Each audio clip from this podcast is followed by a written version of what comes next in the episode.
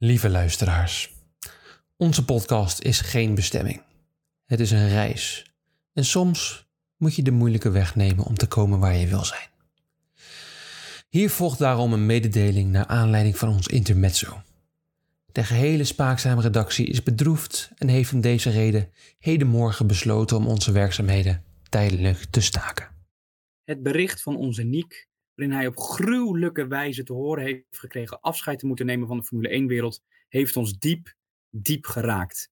Niek was misschien niet de snelste, niet de leukste, niet de knapste, niet de grappigste, niet de spannendste, niet de bijzonderste en zeker niet de beste. Maar Gelukkig zijn de stemmen van jullie spaakzaam vrienden wel te horen in de podcast over vrouwenvoetbal, waarin we het aankomende WK vrouwenvoetbal met veel plezier bespreken. De podcast heet Hoogover. We hopen dat jullie massaal deze podcast weten te vinden. we zijn dankbaar voor ons bevoorrechte leven. Trots op onze reis en onze familie. Dit is gewoon weer een ervaring. We gaan verder en kijken uit naar het volgende hoofdstuk. Jullie horen ons weer in augustus. Tot dan. Hup Pogi, Go Little Trek.